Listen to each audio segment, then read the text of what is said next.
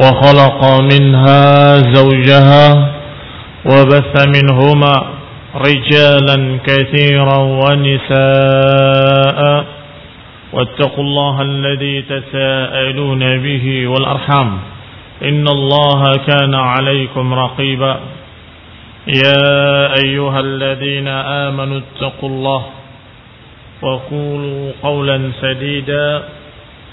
يصلح لكم أعمالكم ويغفر لكم ذنوبكم ومن يطع الله ورسوله فقد فاز فوزا عظيما. أما بعد فإن خير الحديث كتاب الله وخير الهدي هدي محمد صلى الله عليه وعلى آله وسلم وشر الأمور محدثاتها فإن كل محدثة بدعة وكل بدعة ضلالة وكل ضلالة في النار. إخواني في الدين أعزكم الله. كمسلمين يا سيارماتي Sudah kita bicarakan tentang intifa' al-amwat min al-ahya' Mungkinkah orang-orang mati mendapatkan manfaat dari amalan orang hidup? Sudah dibahas kesimpulan pertama dari Syekh yaitu sepakatnya ahlus sunnah bahwa orang-orang mati bisa mendapatkan manfaat dari orang hidup dengan dua sebab. Sebab pertama, kalau si mayit menjadi sebab ketika hidupnya. Yang kedua, doa kaum muslimin. Kalau si mayit menjadi sebab ketika hidupnya, mafhum bisa dipahami dengan hadis Rasulullah SAW, "Idza mata ibnu Adam qata 'amaluhu illa min thalah. Bahwa seorang yang mati terputus amalannya kecuali dengan tiga sebab. Waladun saleh yad'u lahu, anak yang saleh yang mendoakan dan itu merupakan usaha atau disebabkan oleh si mati ketika hidupnya. Dia menikah sehingga punya anak. Dia doakan anaknya. Dia didik anaknya ila akhirnya. Demikian pula yang kedua, ilmun yuntafa'u bih. Ilmu yang bermanfaat. Itu juga dari sebab usaha si mayit ketika hidupnya. Menulis kitab, mengajarkan kitab, mengajarkan ilmu, mendidik murid-murid yang banyak, kemudian murid-murid tadi mengamalkan ilmunya. Maka walaupun dia telah mati, dia tetap mendapatkan manfaat dari usaha orang-orang hidup tadi karena mereka beramal dia penyebabnya. Karena murid-muridnya tadi mendakwakan ilmu, ilmunya dari dia. Yang ketiga, sadaqatun jariyah. Sadaqah yang mengalir. Artinya yang manfaatnya terus mengalir. Sehingga walaupun dia mati, pahalanya terus mengalir karena mereka memanfaatkan apa yang dia sedekahkan tanahnya, masjidnya, pondoknya, sumber airnya dan seterusnya selama dimanfaatkan oleh kaum muslimin maka orang mati tadi mendapatkan manfaatnya. Ini tasabbaba fi hayati. Karena dia merupakan penyebabnya ketika hidupnya. Permasalahan kedua adalah perkara yang diperselisihkan antara ifrat dengan tafrid. Yang pertama masalah-masalah haji, sedekah dan juga puasa. Sebagian menganggap sama sekali tidak bisa sampai kepada orang mati. Ini yang melampaui batas ekstrim kanan. Alasannya akli. Alasannya akli. Menurut akal mereka Amalan orang lain tidak bisa kirim-kiriman. Dia yang beramal ke orang lain yang dapat pahala, tidak bisa. Sebagaimana dosa pun nggak mungkin seseorang yang berdosa, orang lain yang dapat azabnya, tak mungkin. Allah bantah dengan kalimat Walaysa lil insan illa ma sa'a. Tidaklah bagi manusia kecuali akan mendapatkan apa yang diusahakannya sendiri. Demikian pula masalah dosa, wala taziru waziratun wizra ukhra. Seorang tidak akan memikul dosa orang lain. Seseorang nggak akan memikul dosa orang lain. Sehingga mereka dengan kebablasan memahami ayat akhirnya mempertentangkan dengan hadis-hadis yang sahih. Yaitu adanya seorang anak yang mengatakan ya Rasulullah ibuku meninggal. Kalau saja dia waktu itu bisa berbicara mungkin dia akan memerintahkan aku untuk sedekah. Bolehkah aku bersedekah untuknya? Kata Nabi, sedekahlah untuknya. Riwayat lain lagi menyatakan ya Rasulullah, ibuku meninggal dalam keadaan ingin haji. Bolehkah aku menghajikannya? Hajikan untuk orang tua. Yang ketiga, pertanyaan seseorang ya Rasulullah bahwasanya orang tuaku memiliki tanggung jawab puasa. Puasakanlah untuknya. Hadis-hadis sahih dalam Bukhari dan Muslim, dalam kitab-kitab sahih, mereka tentang, mereka tolak dan mereka katakan hadis ini walaupun sahih Bukhari, walaupun muttafaq alaih, walaupun walaupun walaupun bertentangan dengan ayat Walaysa lil insan illa ma sa'a.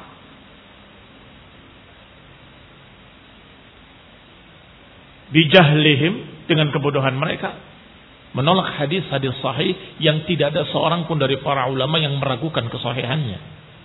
Dan ingat, para ulama ketika mengatakan hadis itu sahih, yang mereka lihat bukan hanya sanadnya. Tetapi mereka lihat pula matennya, isinya. Mereka periksa riwayahnya, mereka periksa dirayahnya. Sehingga kalau dikatakan sahih para ahlul hadis maka maknanya sanadnya sahih dan maknanya pun tidak bertentangan dengan Quran dan tidak bertentangan dengan hadis yang lebih sahih. Jangankan bertentangan dengan Al-Quran. Bertentangan dengan hadis yang lebih sahih saja, itu sudah dikatakan hadis dhaif. Apa istilahnya?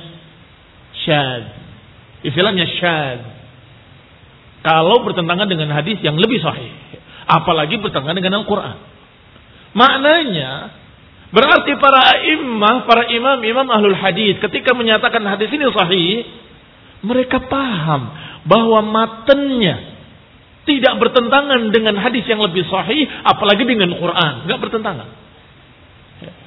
Maka mereka golongan aklaniyun, mu'tazilah dan sejenisnya dan yang memang teracuni dengan pemikiran-pemikiran liberalis atau liberalisme maka mereka dengan gampangnya menolak hadis bahkan mereka menyatakan walaupun hadis itu sahih kalau bertentangan dengan akalmu hituhu ala rijlaik sebagaimana ucapan Muhammad Wazali hituhu ada rijlaik.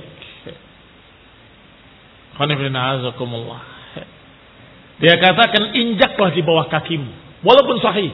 Kalau bertentangan dengan Al-Quran, bertentangan dengan akal, injak di bawah kakimu. Sembarangan. Padahal hadis kalau sudah sahih tidak mungkin bertentangan dengan Quran dan Sunnah.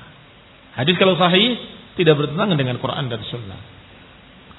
Maka kita sampai pada bantahan Musannif rahimahullah atau lebih tepatnya asyarih bantahan asyarih wahwa Ibn Abdul Aziz Al-Hanafi kepada mereka kepada yang ekstrim kanan والدليل على انتفاع الميت بغير ما تسبب فيه dalil-dalil tentang bahwa orang mati bisa mendapatkan manfaat dari orang hidup walaupun bukan disebabkan perbuatan dia ketika hidupnya sangat banyak di antaranya ayat walladzina ja'u min ba'dihim yaquluna rabbana ighfir lana wal ikhwanina alladzina sabaquna bil iman Orang-orang yang datang setelah mereka berkata, Wahai Rabb kami, ampunilah kami dan orang-orang yang lebih dulu beriman daripada kami.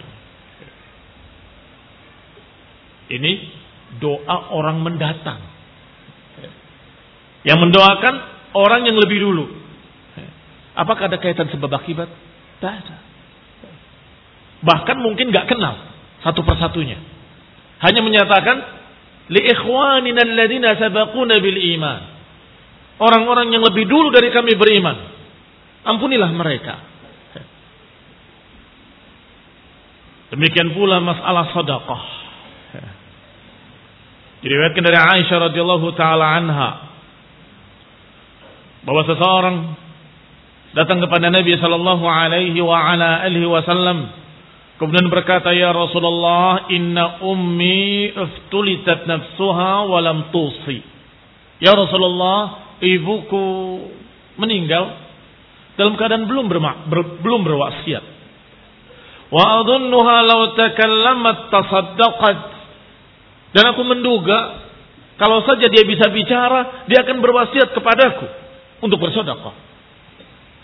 Afalaha ajrun in tasaddaqtu anha? Apakah dia dapat pahala kalau aku bersedekah untuknya? Qala na'am kata nabi iya dia dapat pahala dalam sahih bukhari disebutkan bahwa Sa'ad bin Ubadah ibunya meninggal dalam keadaan beliau tidak hadir maka dia berkata, Ya Rasulullah, inna ummi tuwufiyat wa ana ghaibun anha. Ya Rasulullah, ibuku meninggal dalam keadaan aku tidak hadir ketika itu. Fahal yanfa'uha in tasaddaqtu anha. Apakah bermanfaat bagi ibuku kalau aku bersedekah untuknya?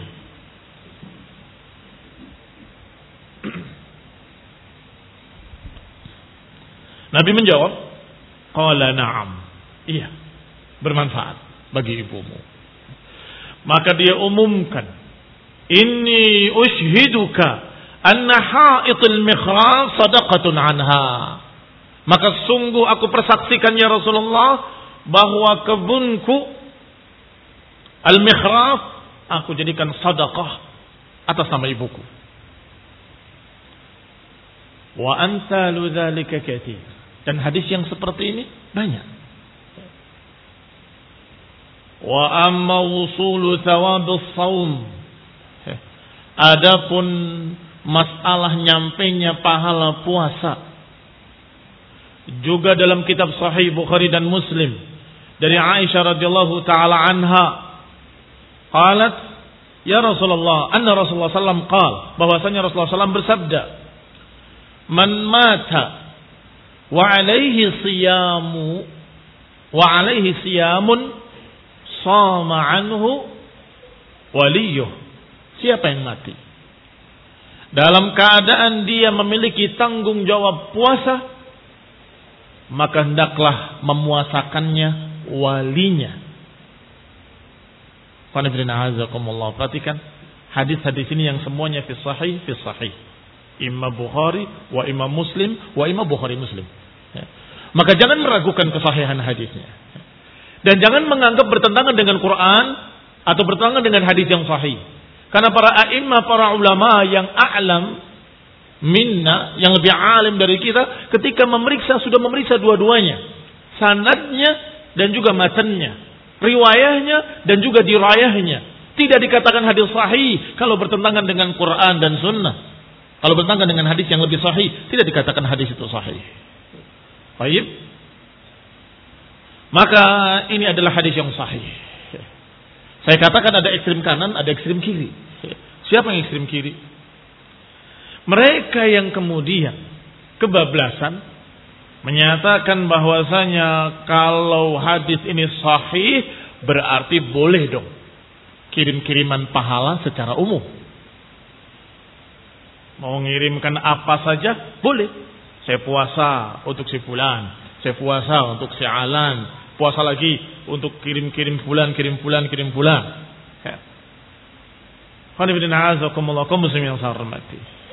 Ini juga kebablasan. Mengapa? Karena kita memahami Quran dan Sunnah dengan pemahaman salaf. Dan kita mengamalkan seperti pengamalan salaf. Apakah mereka melakukan atau tidak melakukan? Ini masalahnya. Sehingga disebutkan oleh Syekh Al-Albani dalam ta'liqnya terhadap akidah tahawiyah atau matan akidah tahawiyah kata Syekh Al-Albani riwayat-riwayat tadi sahih tetapi semuanya adalah antara anak kepada orang tuanya, bukan secara umum. Antara anak kepada orang tuanya. Perhatikan hadis tadi ya Rasulullah ummi tafallata nafsuha. Yang kedua juga bahwa ibuku. Yang ketiga juga soma anhu man waliyuh walinya turunannya ahli warisnya. Baik. Maka apa yang khas jangan kemudian dipahami secara am.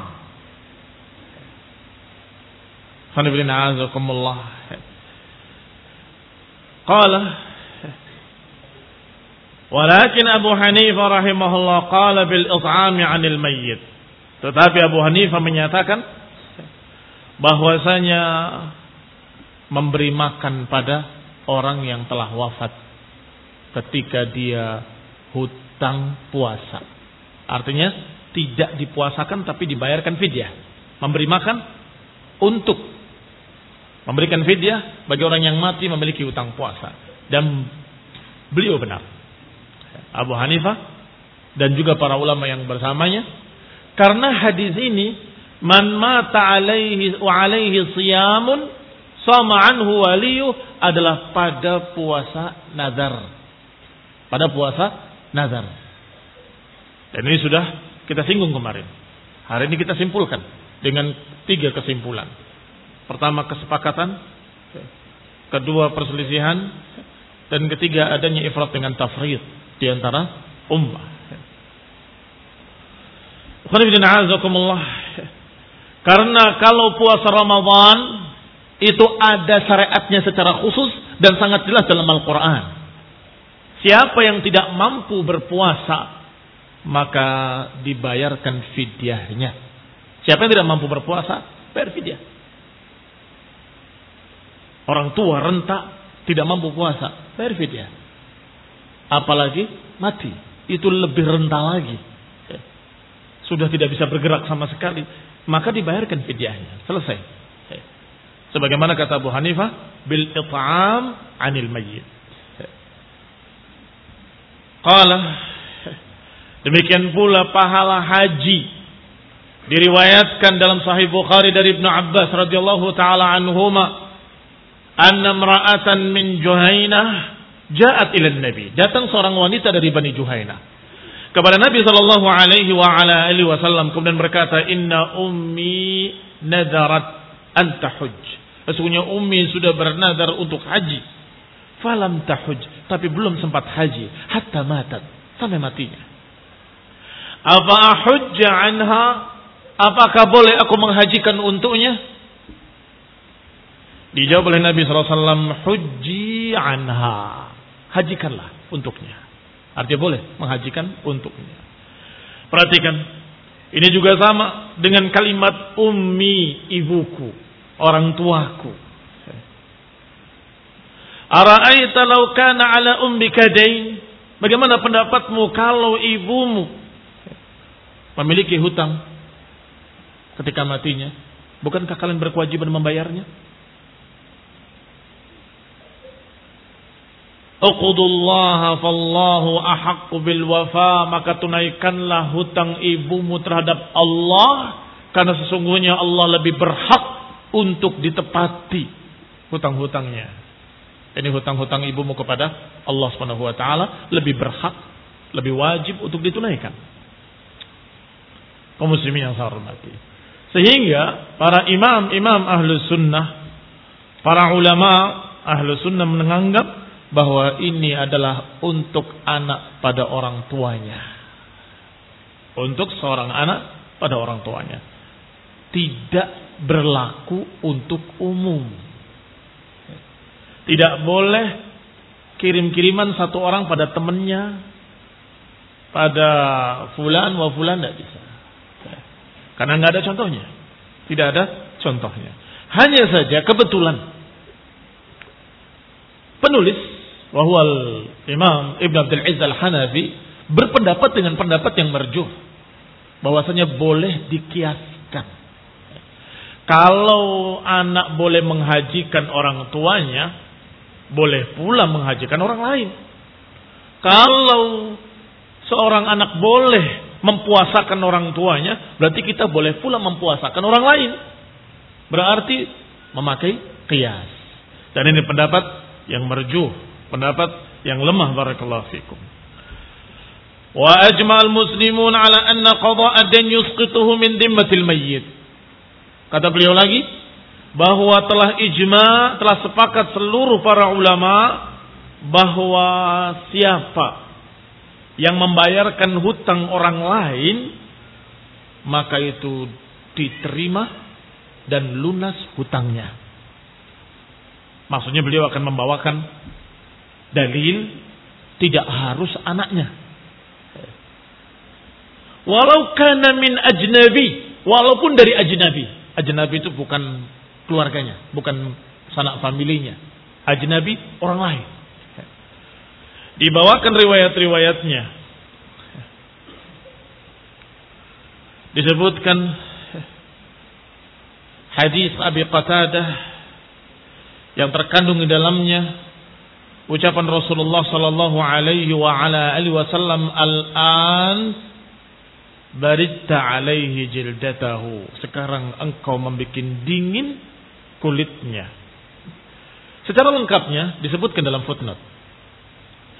Kisah Abi Qatadah dikeluarkan oleh Imam Bukhari dari hadis Salamah Ibn al-Aqwa radhiyallahu anhu dia berkata kunna julusan 'inda Nabi sallallahu alaihi wa ala alihi wasallam id utiya bi janazatin faqalu tiba-tiba didatangkan jenazah dan mereka berkata, Ya Rasulullah, salli alaih. Ya Rasulullah, salatkanlah untuknya. Kata Nabi, hal alaihi dain? Apakah dia punya hutang? Qalu ya Rasulullah, salli alaih. Ditanya oleh Nabi, hal alaihi dain? Qalu la. Mereka menjawab, tidak. Tidak punya hutang. Qala fasalla. Fahal taraka syai'an? Apakah dia meninggalkan warisan? Qalu la. Tidak juga. Fasalla alaih maka disolatkan. Yang kedua didatangkan jenazah. Dan kembali berkata ya Rasulullah salli alaih. Nabi bertanya juga dengan pertanyaan yang sama. Hal alaihi dain? Apakah dia punya hutang? Qila na'am. Pada yang kedua dijawab, iya, dia punya hutang. Fahal taraka syai'an? Apakah dia punya warisan untuk membayarnya? Qalu thalatha dananir. Iya, dia punya tiga dinar fasalla alaiha. Yang kedua pun Nabi menyolatkan. Kemudian yang ketiga, datang lagi jenazah. Dan mereka juga bertanya ya Rasulullah atau meminta salli alaiha. Ya Rasulullah salatkanlah jenazah kami. Qala hal taraka syai'an? Nabi berkata lagi, apakah dia punya warisan? Qalu la, tidak punya. Fahal alaihi dain, apakah dia punya hutang? Dijawab, iya dia punya hutang tiga dinar. Nabi bersabda, Sallu ala sahibikum. Salatlah kalian. Aku enggak. Karena punya hutang, dia nggak bisa bayar. nggak punya warisan. Berkata Abu Qatadah, Salli alaihi, Salli alaihi ya Rasulullah, wa alayya dainuhu. Ya Rasulullah, salatkanlah beliau. Salatkanlah dia. Aku yang akan bertanggung jawab terhadap hutangnya. Maka Nabi pun menyolatkannya. Demikian diriwayatkan secara ringkas. Dikeluarkan pula oleh Tirmidzi wa Nasa'i Ibnu Majah wa Ahmad min hadis Abi Qatadah. Hanya saja lafat-lafat hadis ini saling bertentangan. Yang pertama dengan yang kedua, dengan yang ketiga. Sehingga terjadi perbincangan di kalangan para ulama, lafat yang benar yang seperti apa kaum muslimin yang saya hormati. Dikatakan oleh Syekh di sini Wa kullu dzalika jarin ala qawaid syara' Semua hadis-hadis tadi berlangsung sesuai dengan syariat. Wa huwa mahdul qiyas. Dan boleh dilangsungkan padanya qiyas. Di sinilah kesalahan beliau. Di sinilah ketergelinciran beliau. Sehingga disebutkan dalam footnote-nya nukilan dari para ulama yang kitabnya sama ditahqiq oleh Syekh Yasin hafizahullah taala di sana ada ta'liqnya ya. Aqul saya katakan al-ibratu fi mas'alati wusul thawab al-qira'ah wa ghayruhu wal kitab wa sunnah wa tawassu' fil ibadat bistikhdamil qiyas ghairu mardi. Saya katakan bahwa masalah nyampainya pahala haji, puasa, sedekah itu jelas dalilnya dalam kitab wa sunnah. Tetapi meluas-luaskannya dengan qiyas itu perkara yang tidak diridhoi oleh para ulama. Tidak bisa memperluas masalah ini dengan qiyas. Berarti boleh kirim Fatihah Berarti boleh kirim surat Al-Baqarah. Berarti boleh kirim surat Al-Ikhlas. Berarti boleh kirim uh, apa lagi? Amalan-amalan soleh. Gitu. Bahkan bukan hanya kiasnya yang jadi masalah. Contohnya dari salaf pun tidak ada. Para sahabat membaca, kemudian menyatakan ilah hadrati fulan al-fatihah, itu tidak ada. Contohnya dari salaf, sahabat ataupun tabi'in ataupun tabi'i tabi'in tidak ada. Contohnya kepada fulan ibni fulan kita kirimkan al-baqarah tidak ada. Maka kalau dalilnya qiyas, kita katakan bahwa qiyas itu dalam masalah ibadah tidak diperbolehkan. Sebab ibadah tauqifiyah Tauqifiyah itu sesuatu yang baku. Diajarkan seperti ini, ya seperti ini. Dikerjakan seperti itu atau diajarkan seperti itu, ya seperti itu. Jangan dirubah, jangan diganti, jangan dikias-kiaskan.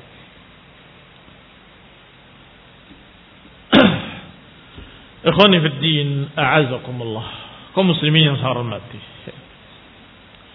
Demikian pula dinukil ucapan Syekhul Islam Ibnu Taimiyah rahimahullah dalam kitab Al-Ikhtiyarat oleh Al-Ba'li rahimahullah. Beliau berkata, "Lam yakun" kalau yang ada footnote-nya alhamdulillah ya. Tetapi yang tidak ada catat. Ya. Ucapan beliau ini. Lam yakun min adatis salaf, tidak termasuk kebiasaan salaf. Idza sallu tatawwu'an أو shamu تطوعا أو hajju تطوعا أو qara'ul القرآن أن yadu ثواب ذلك إلى أموات المسلمين tidak termasuk kebiasaan salaf. Kalau salat sunnah atau puasa sunnah atau haji sunnah atau membaca Quran kemudian dikirimkan pahalanya kepada orang lain. Itu tidak termasuk kebiasaan salaf. Bahkan tidak termasuk adatnya salaf, artinya tidak diamalkan oleh salaf. Kalau puasa, sunnah dikirimkan. Kalau haji sunnah dikirimkan. Kalau Qiraatul Quran, Al-Fatihah dikirimkan. Itu lam yakun min adatis salaf. Tidak termasuk dari kebiasaan salaf. Qal Fala yanbaghil udul an tariqis salaf. Selanjutnya, maka kata beliau, tidak sepantasnya kita menyelisihi jalan salaf. Tidak sepantasnya kita menyelisihi jalan salaf.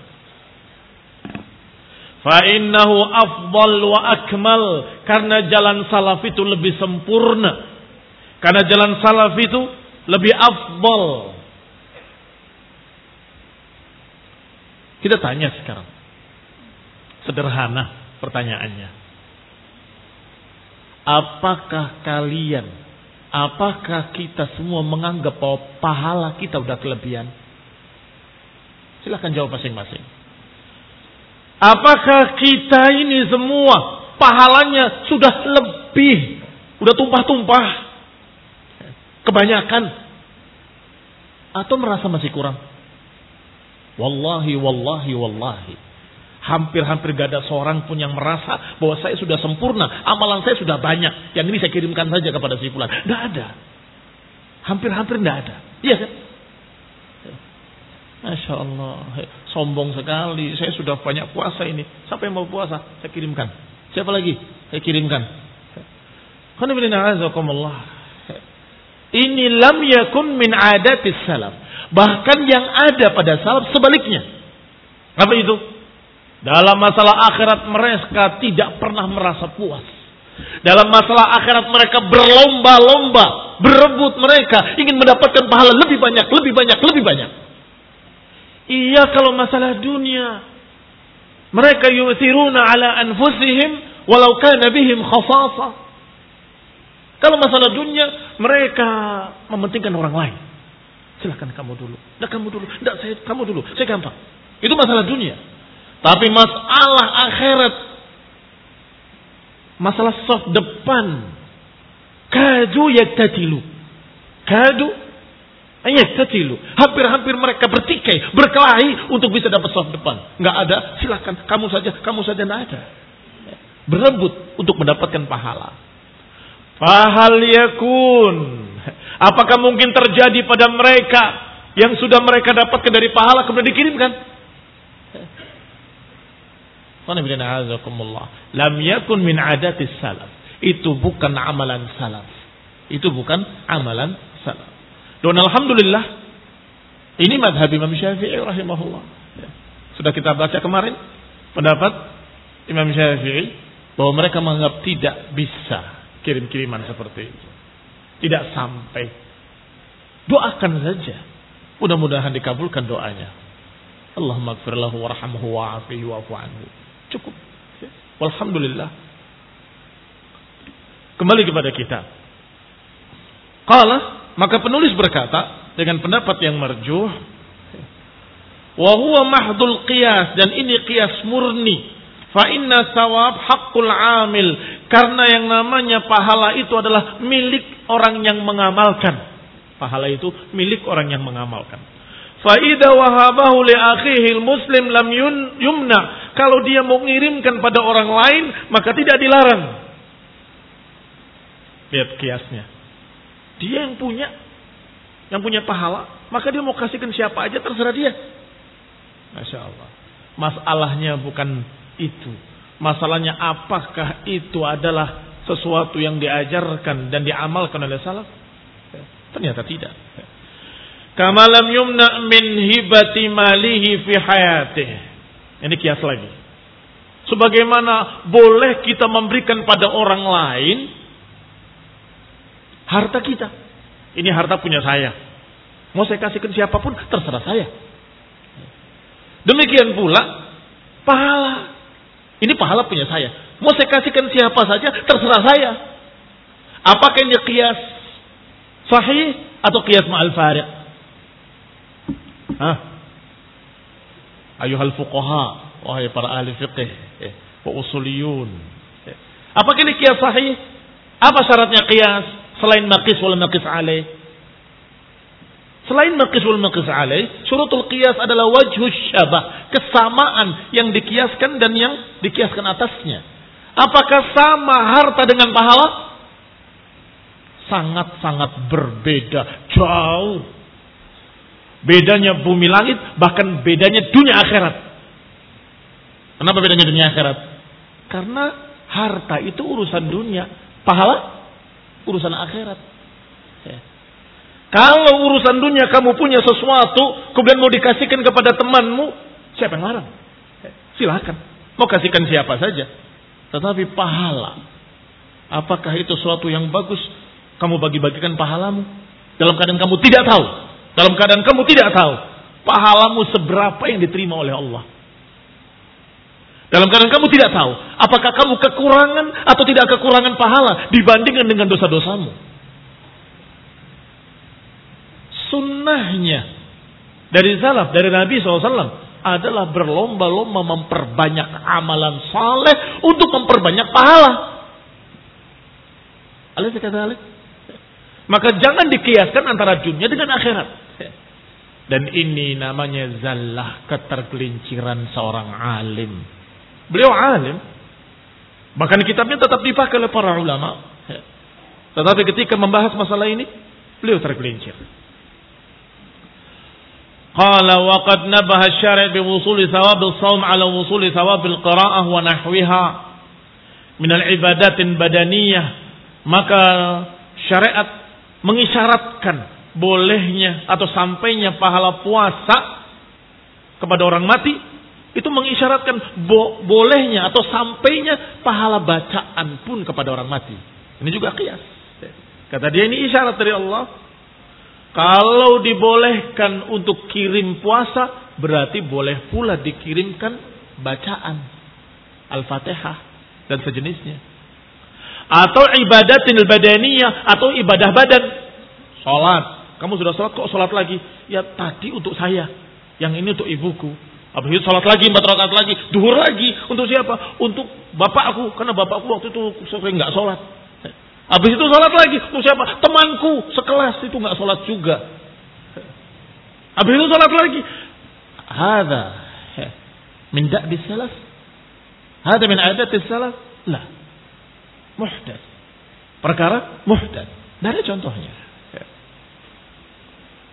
Kata beliau, wa yuwaddihuhu anna sawma kaffun nafsi. Lihat, beliau berbicara lagi tentang kias.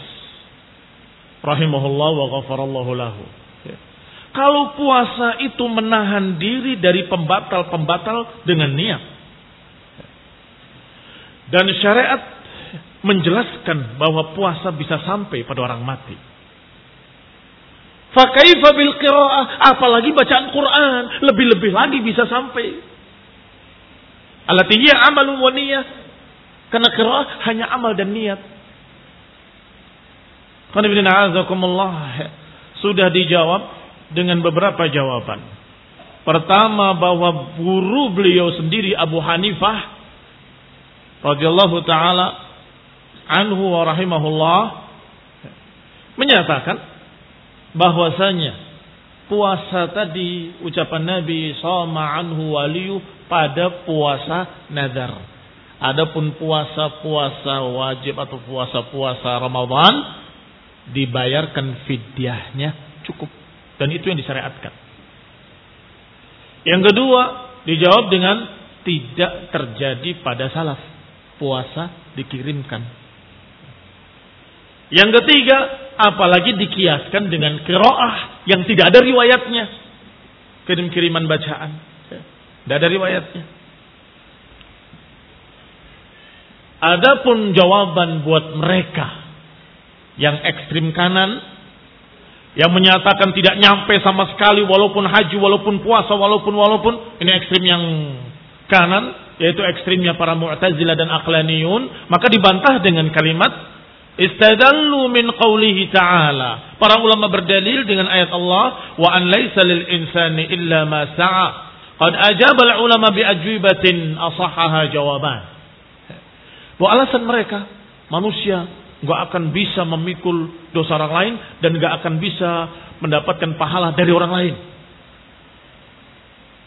Ini kalau membantah kias-kias tadi saja masih bisa diterima. Tapi membantah hadis-hadis sahih tidak bisa. Hadis ini tidak bertentangan dengan ayat. Dan ayat ini nggak bertentangan dengan hadis tadi. Dua jawaban. Satu jawaban, annal insan bisa'yihi wa husni ishratihi iktasabal asdiqa. Seseorang dengan usahanya, dengan kebaikan akhlaknya, dengan pergaulan yang baik akan mendapatkan banyak teman. Dan juga auladal aulad dan dia mendapatkan anak-anak.